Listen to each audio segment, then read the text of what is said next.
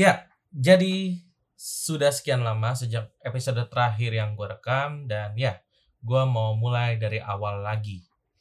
Jadi mungkin episode kali ini akan terdengar seperti episode pertama, padahal tidak. Ini adalah episode kelima. Ya, jadi udah lama banget gue nggak ngelanjutin bikin gini-gini lagi. Tapi di episode kelima ini pengen gue jadiin kayak episode 1 lagi gitu. Episode 1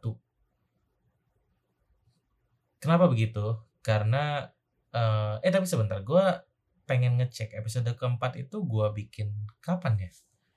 Hmm sebentar sebentar. Episode keempat. Episode keempat. Episode keempat itu gue upload pada tanggal 3 Agustus 2021 wow udah lama ya Nyata udah setahun yang lalu gue bikin ginian lagi. Udah setahun yang lalu. Ya, ya, ya sebenarnya gue bisa aja sih beralasan kayak, uh, eh, gue nggak ngelanjutin karena gue ada kesibukan di dunia nyata, tapi enggak enggak. Emang gue males aja. emang males aja gitu, emang males bikin. Males aja gitu, nggak tahu kenapa tahu sih kenapa. Karena nah justru itu yang pengen gue ceritain pada episode kali ini. Jadi karena ini gue jadiin sebagai episode pertama lagi ada beberapa hal yang ingin gue ceritakan pada episode kali ini. Pertama gue pengen cerita tentang pengen sedikit cerita tentang gue itu siapa sih. Ya kayak perkenalan lagi aja gitu terus kedua gue pengen cerita tentang ngapain sih gue bikin gini-ginian gitu. Kenapa? Apa alasannya gue bikin gini-ginian? Nah terus yang ketiga kenapa pada akhirnya gue kembali menghidupkan tempat ini lagi? Padahal tempat ini udah gue tinggalkan sejak ya sejak tadi sejak 3 Agustus 2021 sudah setahun yang lalu gue tinggalkan. Tapi pada akhirnya gue pengen lagi menghidupkan tempat ini. Dan itu dalam perjalanannya ada hal-hal yang menjadi alasan kenapa gue menghidupkan tempat ini lagi. Ya, jadi gitu. Oke, langsung saja ke pertama, ya kan? Gue mau sedikit cerita tentang gue itu siapa sih. Perkenalan lagi aja. Sebenarnya udah perkenal. Sebenarnya kalau lu mau denger perkenalan gue di episode 1 udah. Episode 1 yang beneran episode 1. Kan ini episode kelima ya. 4, 3, 2, 1. Nah, di episode 1 itu gue ada perkenalan karena itu episode awal kan. Sudah banyak yang gue omongin di situ. Tapi karena gue pengen jadiin episode kelima ini menjadi episode ke satu lagi, ya gue pengen kayak perkenalan lagi aja.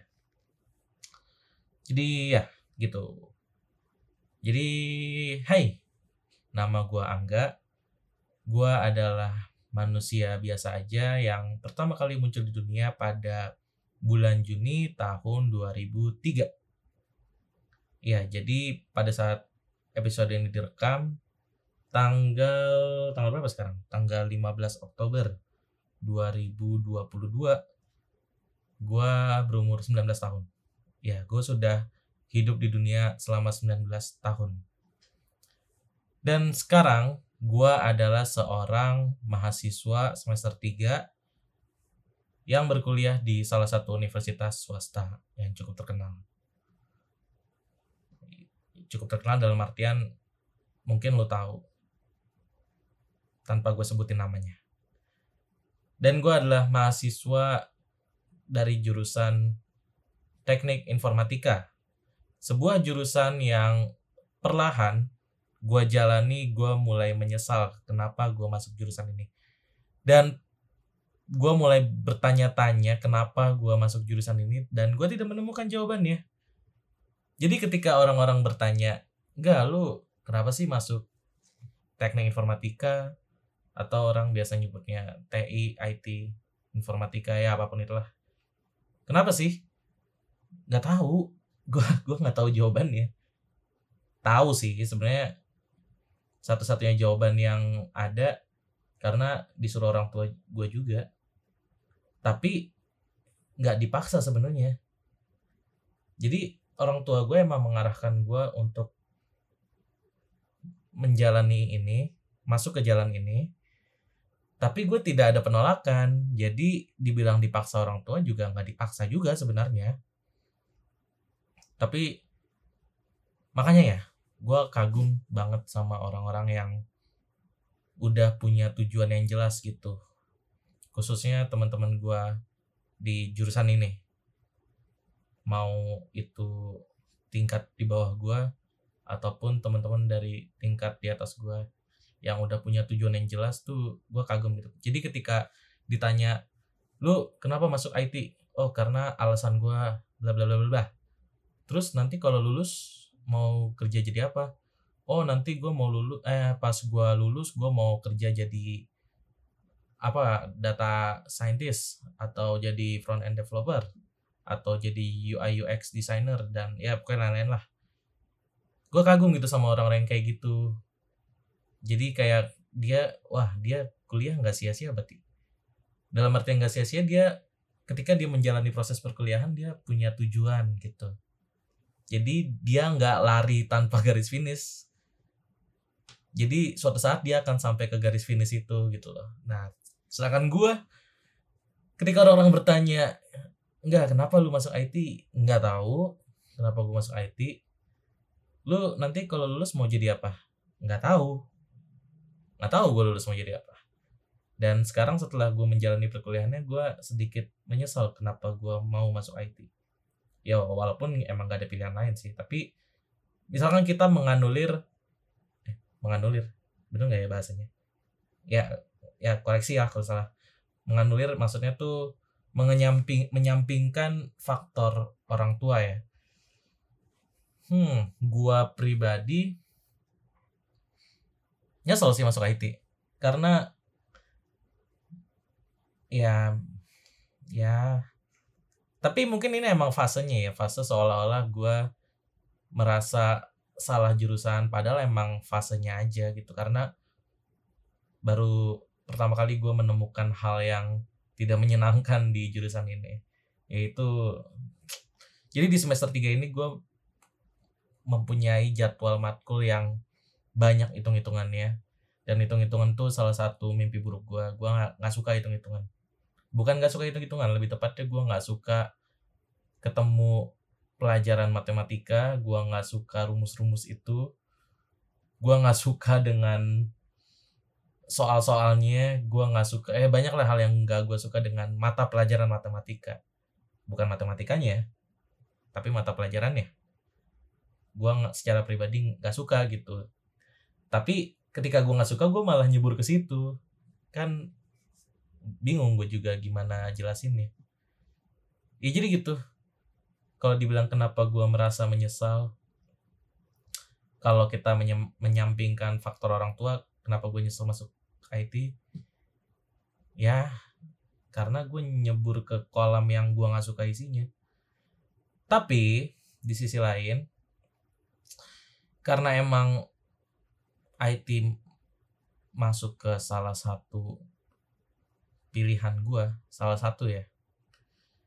Dan ini yang gue pilih jalan yang tersedia cuman ini doang dan mau nggak mau gue milih jalan ini ya udah gue nikmatin aja gue jalanin aja.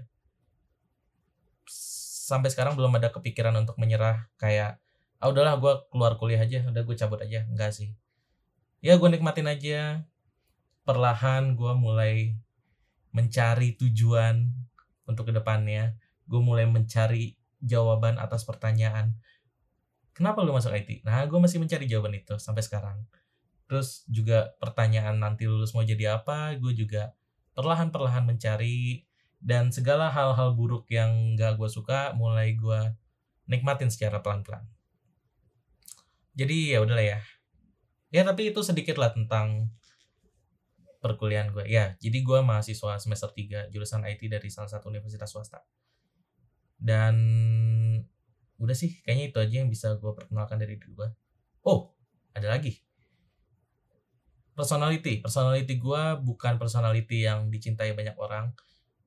Mungkin ketika lo pertama kali ketemu gue lu bakal kayak apaan sih nih orang kok kayak gini banget? gitu. Ya personality gue bukan personality yang disukai banyak orang. Jadi ketika lo pertama kali ketemu gue first impression lo pasti buruk gitu. Pasti nggak nyaman. Tapi bukan berarti gue menormalisasi hal itu ya. Gue tetap berusaha untuk memperbaiki memperbaiki segala hal-hal buruk yang ada dalam diri gue baik ke diri gue pribadi maupun yang berdampak kepada orang lain. Ya gue berusaha memperbaiki itu. Tapi untuk sekarang ya begitu. Personality gue bukan bukan personality yang baik gitu. Gue bukan orang yang baik. Gue bukan orang yang ramah. Gue bukan orang yang peduli terhadap sekitar. Ya jadi kalau personality itu. Terus gue adalah orang yang biasa aja. Secara penampilan gue nggak hmm, nggak lah. Nggak nggak nggak. Gue pengen ngomong gak good looking tapi good looking itu kata yang sangat subjektif. Jadi penampilan biasa aja. Bukan penampilan yang disukai banyak orang. Dan ya udah gue nikmatin aja. Secara finansial juga bukan orang yang bisa menghambur-hamburkan duit untuk segala hal ya jadi gue masih memikirkan ketika gue mengeluarkan duit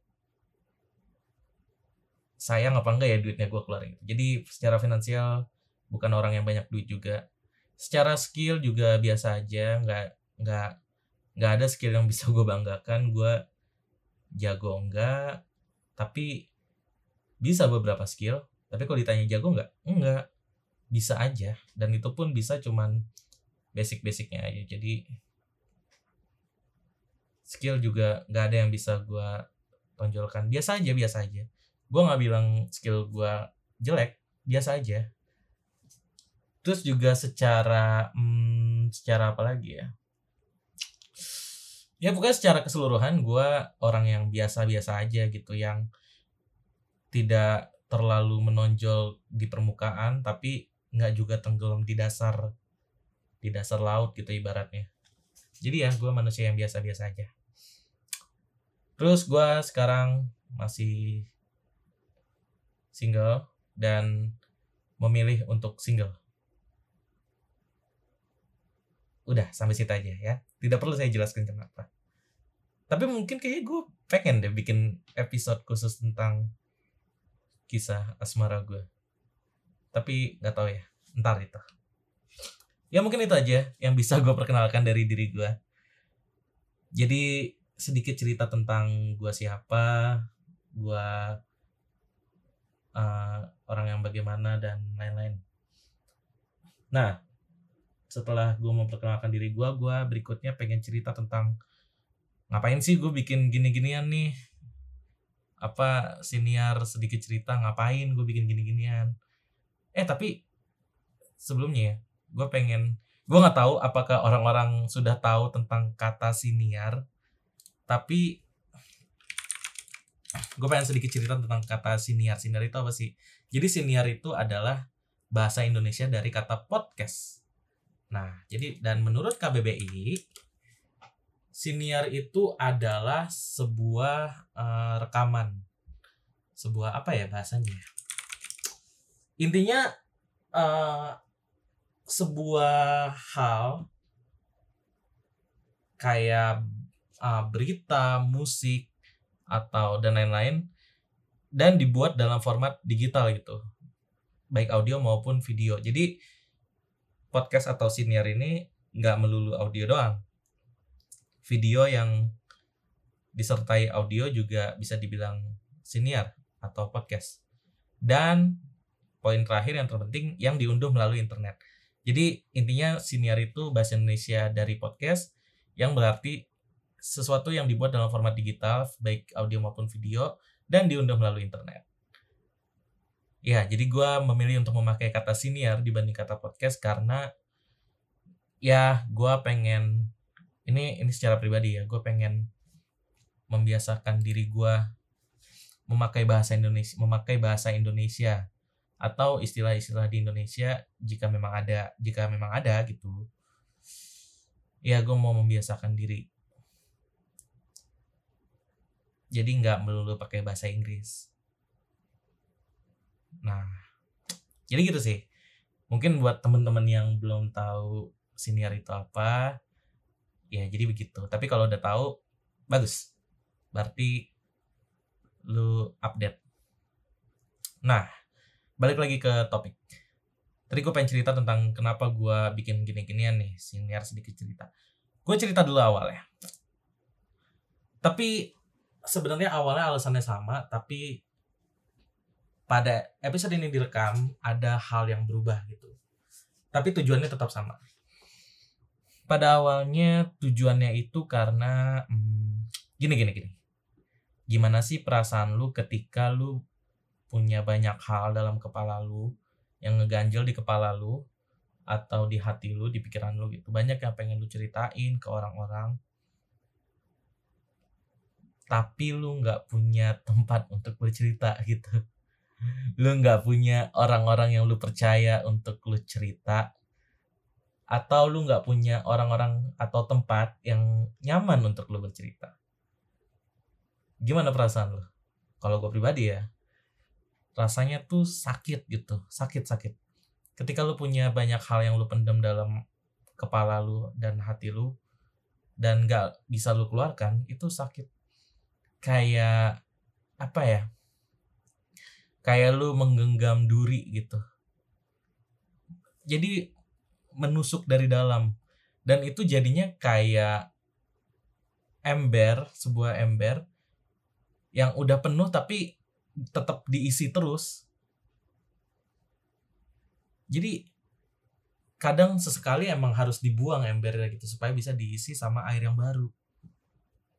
Nah kenapa gue bikin akhirnya gue memutuskan untuk bikin siniar ini bikin gini-ginian nih gue upload di Spotify.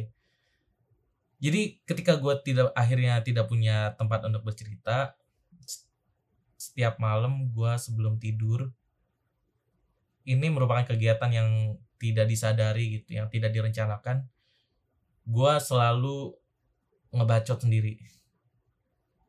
Gue selalu ngebacot sendiri aja gitu. Gue seolah-olah gue bercerita tentang apa yang gue pikirkan, tentang sesimpel tentang hari ini gitu. Gue ngomong panjang lebar sendirian di kasur sambil rebahan.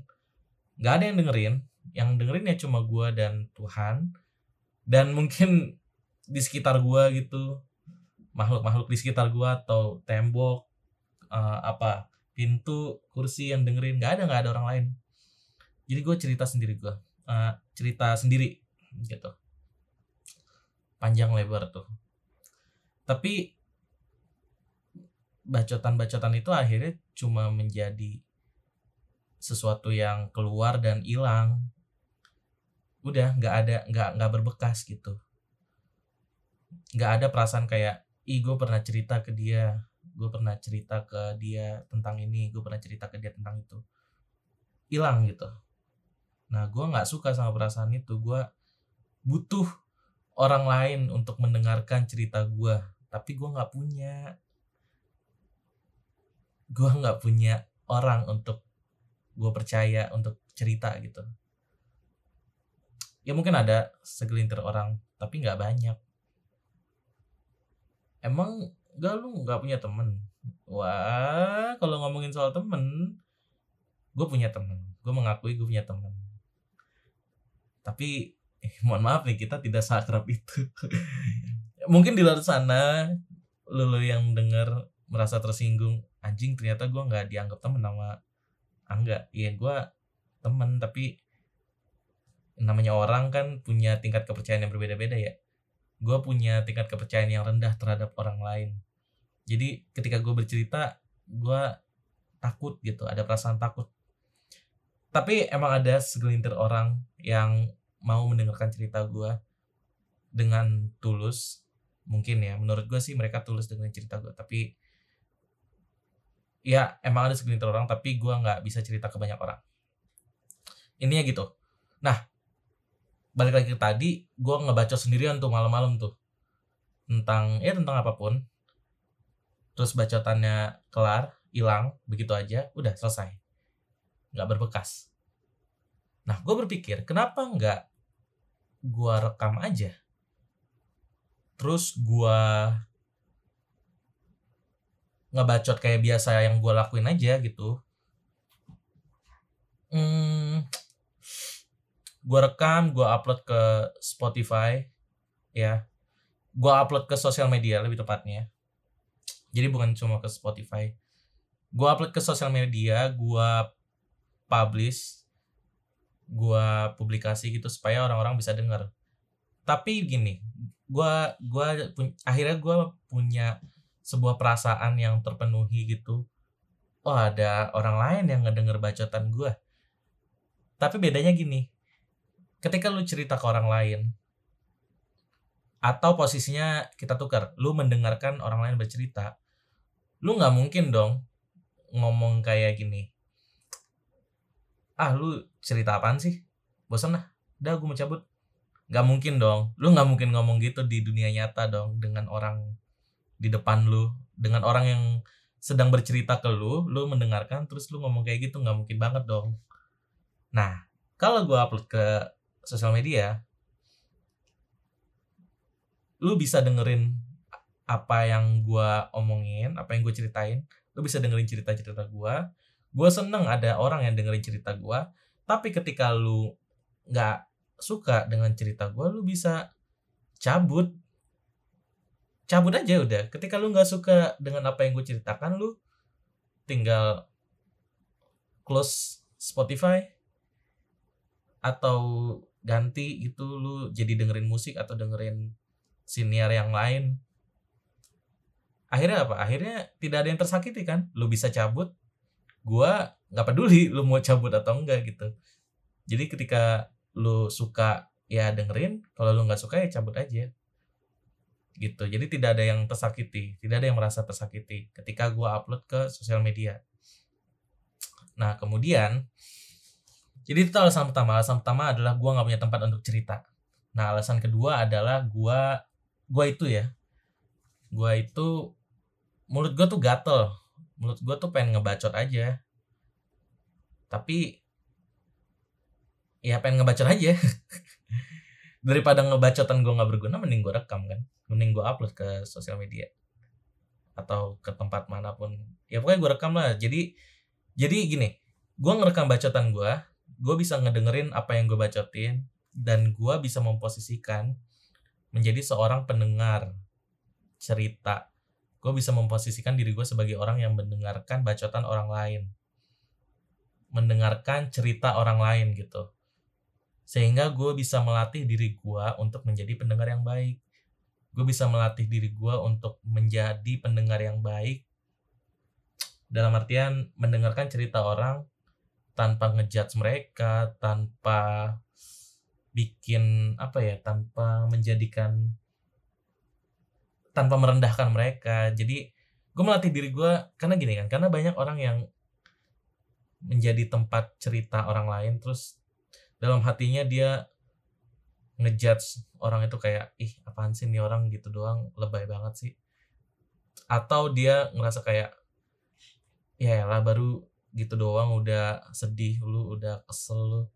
Ya maksudnya walaupun itu dalam hati tidak disampaikan ke orangnya langsung tapi tetap aja itu merupakan hal yang buruk gitu.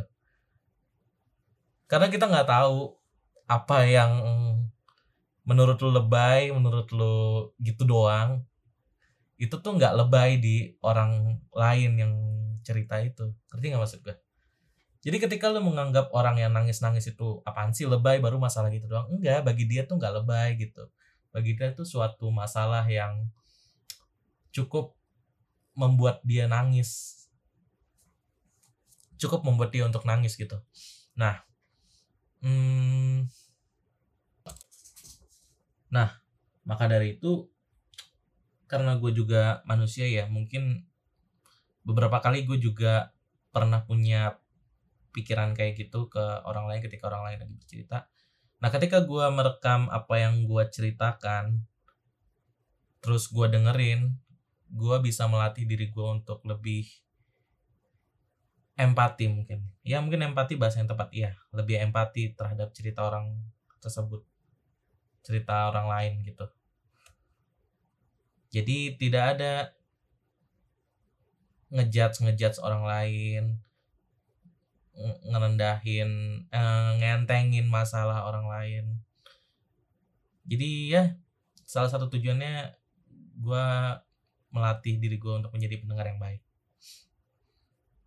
Nah jadi gitu alasannya. Jadi pertama karena gue nggak punya tempat untuk bercerita gue nggak punya tempat yang nyaman untuk bercerita dan kedua emang gue pengen ngebacot aja menurut gue gatel tapi di sisi lain gue juga bisa memposisikan diri gue sebagai seorang pendengar cerita. Jadi gitu.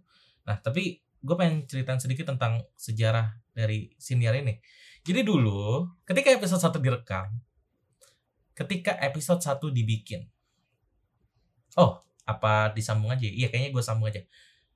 Kita langsung ke topik berikutnya, ke cerita berikutnya. Berikut cerita berikutnya, gue pengen cerita tentang kenapa pada akhirnya gue ingin menghidupkan kembali tempat ini.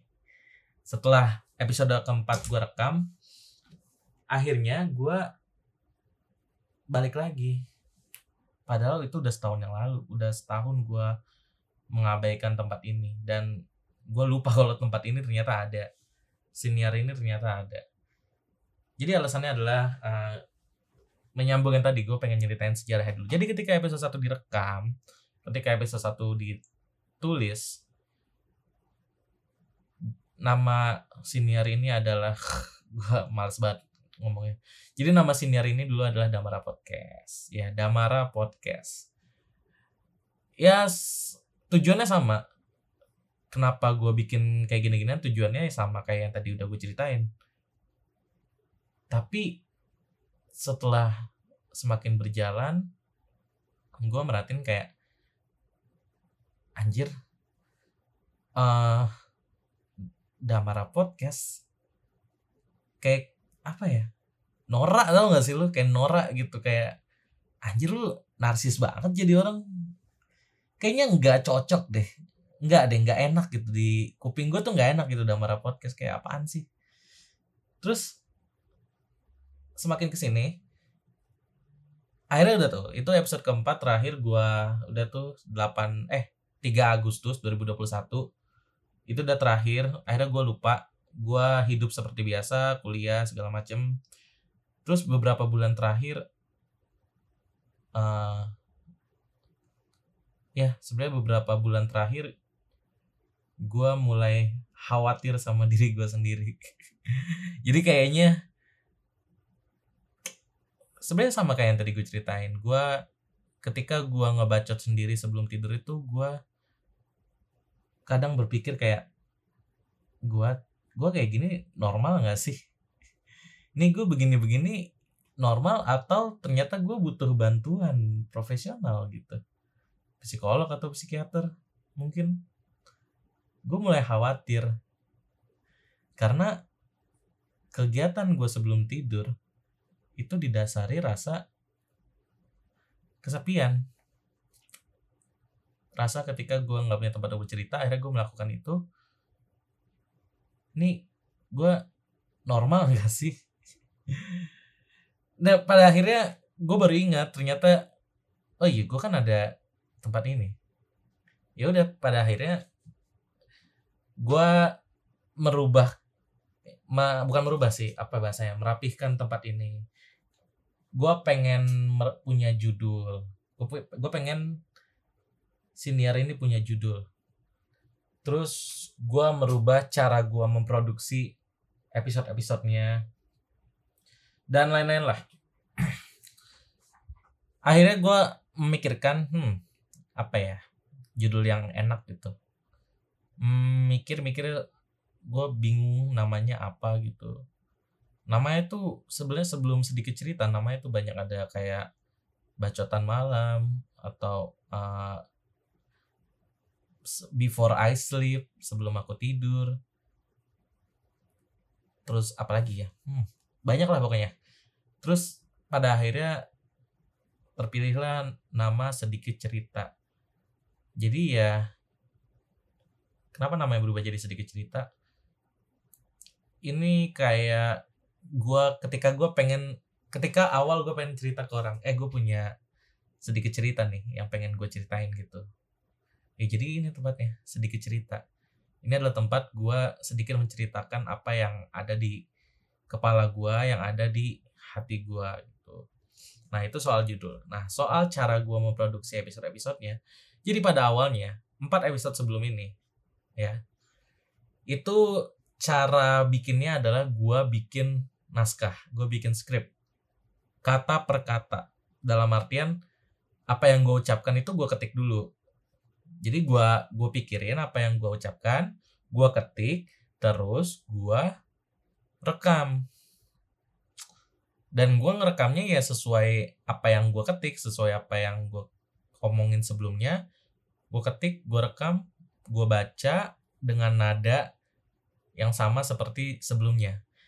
Tapi itu kayak ngelanggar tujuan gua sendiri gitu. Ngelanggar tujuan gua bikin tempat ini gue merasa nggak natural dalam bercerita ketika gue melakukan dengan cara seperti itu. Gue gua ngerasa nggak nyaman gitu nggak nggak luwes. Gue nggak kayak lagi cerita gue kayak lagi ngebaca aja. Jadi nggak lepas jadi ada banyak hal yang bisa gue ceritain tapi nggak nggak kerekam karena fokus gue itu berfokus kepada teks bukan pada ceritanya. Dan akhirnya gue memikirkan ya udahlah gue nggak perlu nulis nggak usah lah nggak usah nulis naskah. Jadi apa yang gue omongin barusan tuh bener-bener ya udah lepas aja ini yang muncul di otak gue jadi ketika mungkin lu denger gue bengong berapa detik itu gue bingung mau ngomong apa.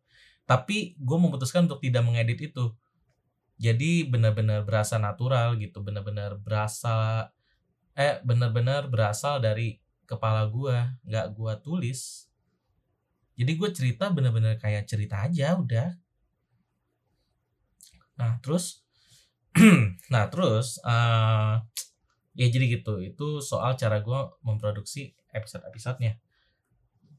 Jadi gue pengen menjadikan tempat ini menjadi tempat gua untuk bercerita secara luas, secara natural, secara enak lah kayak orang cerita, kayak orang ngobrol aja gitu, kayak orang lagi curhat ke orang lain dan lain-lain lah gitu.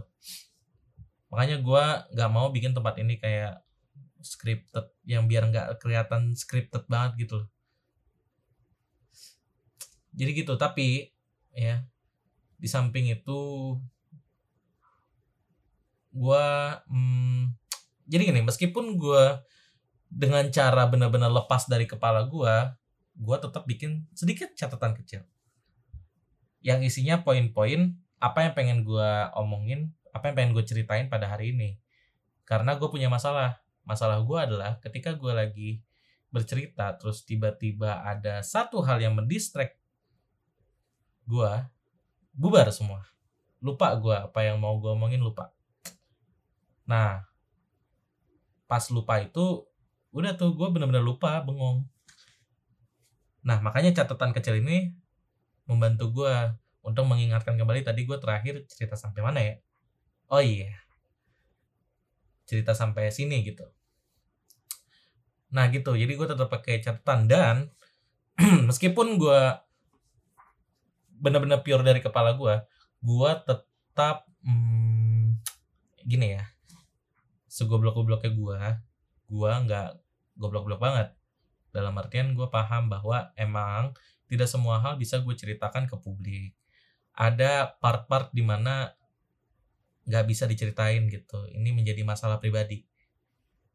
Dan juga gue harus memikirkan bagaimana caranya gue bisa bercerita dengan santai dengan san ya dengan bercerita dengan santai tanpa harus menyinggung orang lain.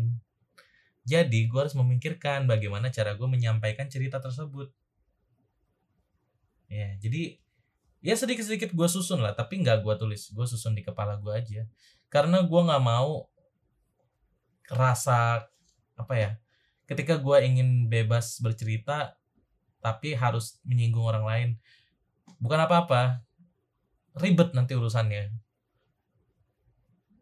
gue nggak gue adalah orang yang nggak mau ribet gitu karena urusannya ribet ya sebenarnya tersinggung itu nggak apa-apa gue kan nggak tahu ya apa ha, apa yang menjadi hal yang membuat lu tersinggung gue nggak tahu setiap orang tuh ketersinggungannya beda-beda apa yang menurut gue biasa-biasa aja bisa jadi menyinggung bagi orang lain Begitupun sebalik, sebaliknya. Apa yang biasa aja bagi orang lain bisa aja menyinggung bagi diri gue. Makanya tersinggung itu ya lu bebas. Ketika gue cerita terus lu ada part yang tersinggung, boleh, boleh lu boleh tersinggung. Tapi yang menjadi permasalahan adalah tindakan yang lu lakukan untuk mengekspresikan ketersinggungan lu gitu. Gue nggak mau ntar abis gue upload terus ada yang ngechat kayak maksud lo apaan gak ngomong kayak gitu. Atau tiba-tiba eh apalah dan hal-hal lain lah yang tidak gue harapkan gue nggak mau kayak gitu.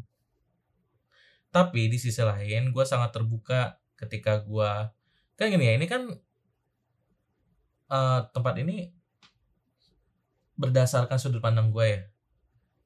Jadi gue tidak mengklaim bahwa apa yang gue omongin benar. Bisa aja salah. Gue nggak menutup pintu ketika ada orang yang ingin mengkritik gue gitu kayak ngasih tahu nggak lu tuh salah ngomong kayak gini harusnya lu jangan ngomong kayak gitu dan lain-lain ya gue tidak menutup pintu itu gue sangat terbuka dengan kritik dan saran dan diskusi jadi ketika emang ada hal yang menyinggung atau hal yang salah, ya yeah, you can reach me lewat DM IG atau sosial media lain yang lo tahu. Jadi gitu. Jadi gue pengen banget menjadikan tempat ini tempat yang nyaman untuk gue bercerita. Tapi, hmm, jadi gini, tempat ini tuh gue jadiin sebagai tempat sampah. Tempat untuk membuang sampah-sampah di kepala dan hati gue jadi ya udah gue bener-bener buang isi yang mengganjal kepala gue gitu. Gue buang sampah-sampah yang mengganjal di kepala dan hati gue nah gue nggak mau punya apa ya sebutannya beban moral. Iya gue nggak mau punya beban moral. Kayak nanti orang-orang punya penilaian uh harus bikinnya yang mengedukasi atau yang memotivasi orang. Enggak enggak enggak ada enggak ada. Enggak ada hal positif yang bisa lo ambil dari tempat ini. Ya maksudnya tempat sampah tempat gue membuang sampah kepala gue apa sih yang mau lu cari dari tempat ini. Ya tapi ketika lu menemukan hal yang positif ya alhamdulillah ya bagus. Tapi gue tidak berharap lu mencari sesuatu yang positif di tempat ini karena ini tempat gue buang sampah aja. Gue nggak mau ntar ada orang yang menganggap gue bikin ginian. Uh tidak mengedukasi tidak memotivasi ya karena bukan memang bukan itu tujuannya. Lu kalau mau nyari yang mengedukasi atau yang memotivasi ya nonton senior senior yang lain lah. Apa kek siapa kek yang itu yang yang emang tujuan kontennya tuh memotivasi dan mengedukasi gitu. Gua nggak gua nggak mau. Gua nggak mau gua nggak mau gua nggak mau punya beban itu. Tapi ketika emang lu punya sesuatu hal yang positif diambil dari cerita gua? Ya ya bagus lah. Ya udah bagus.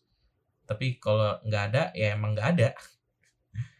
Ya emang nggak ada gitu. Emang gue tidak mengharapkan ada yang positif dari cerita gue karena emang gue pengen cerita tentang apa yang pengen gue ceritain aja gitu. Misalkan tentang tentang sesimpel tentang hari ini ada apa gitu apa yang gue alami hari ini atau sesimpel tentang hal-hal yang kepikiran di kepala gue baik tentang diri gue pribadi maupun tentang hal-hal di luar sana. Yang yang relate dengan gue gitu. Ya gue pengen bercerita dengan santai aja di sini. Jadi gue nggak mau punya beban yang macam-macam jadi gitu. Udah sih kayaknya itu yang bisa gue ceritain hari ini. Uh, eh tapi ini melanggar omongan gue sendiri gak ya? Ah tapi enggak sih harusnya. Ya melanggar dikit lah boleh lah tapi untuk seterusnya gue nggak mau kayak gitu. Sebenarnya gue pengen nitip pesan buat lu semua. Buat lu semua yang denger nih. Kalau emang ada yang denger ya gue pengen nitip pesan buat lo segeralah secepat mungkin cari tempat yang nyaman untuk bercerita gitu. Kalau emang perlu ke profesional datanglah ke profesional. Psikolog psikiater. Yang penting gimana caranya lu harus punya tempat yang nyaman untuk lu mengeluarkan apa yang mengganjal di kepala lu apa yang mengganjal di hati lu gitu. Karena ketika lu memendam semua itu ketika lu memendam semua hal di kepala dan di hati lu maksudnya memendam di dalam diri lu gitu itu perlahan bisa merusak diri lu itu perlahan bisa membunuh kita secara benar-benar perlahan. Awalnya mungkin kita cuma ngerasa beban aja, tapi lama-lama semakin kepikiran, mental kita semakin terkikis secara perlahan, terus lama-lama rusak.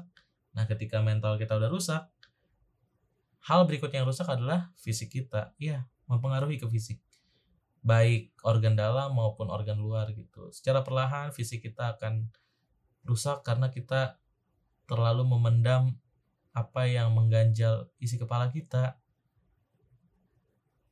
isi kepala kita tuh nggak nggak menyaring mana yang kotor mana yang bersih jadi emang yang mengganjal mengganjal gitu tuh emang harus dibuang gitu loh dan jangan malu untuk minta tolong ke orang lain. Jangan malu untuk mencari bantuan orang lain. Ketika kita minta tolong orang lain bukan berarti kita lemah. Kita minta tolong orang lain tuh berarti kita sadar kalau emang ada beberapa hal yang di luar kemampuan kita. Dan itu menjadi beban buat kita sehingga kita harus mencari orang yang mampu membantu mengangkat beban kita gitu loh. Ya manusia emang hidup masing-masing tapi manusia ujung-ujungnya nggak bisa hidup sendiri. Kita ujung-ujungnya nggak bisa hidup sendiri. Kita tetap butuh bantuan orang lain gitu loh. Kita emang kuat tapi nggak sekuat itu. Dan juga posisinya bisa dibalik. Ketika kita mampu membantu orang lain ya bantulah. Tolongin orang lain. Seenggak peduli ke seenggak peduli pedulinya lu terhadap sekitar lu ketika lu ngelihat orang kesusahan baik secara material atau secara mungkin dia butuh tempat untuk bercerita. Kalau lu mampu buat bantuin bantuin lah jangan membiarkan orang kesusahan. Karena apa ya? Ya mungkin balik lagi tadi ya. Ketika kita memendam semuanya sendirian tuh sakit men ketika kita nggak ada tempat buat meluapkan emosi kita, mengeluarkan isi kepala kita tuh perih gitu. Mau sampai kapan dipendam?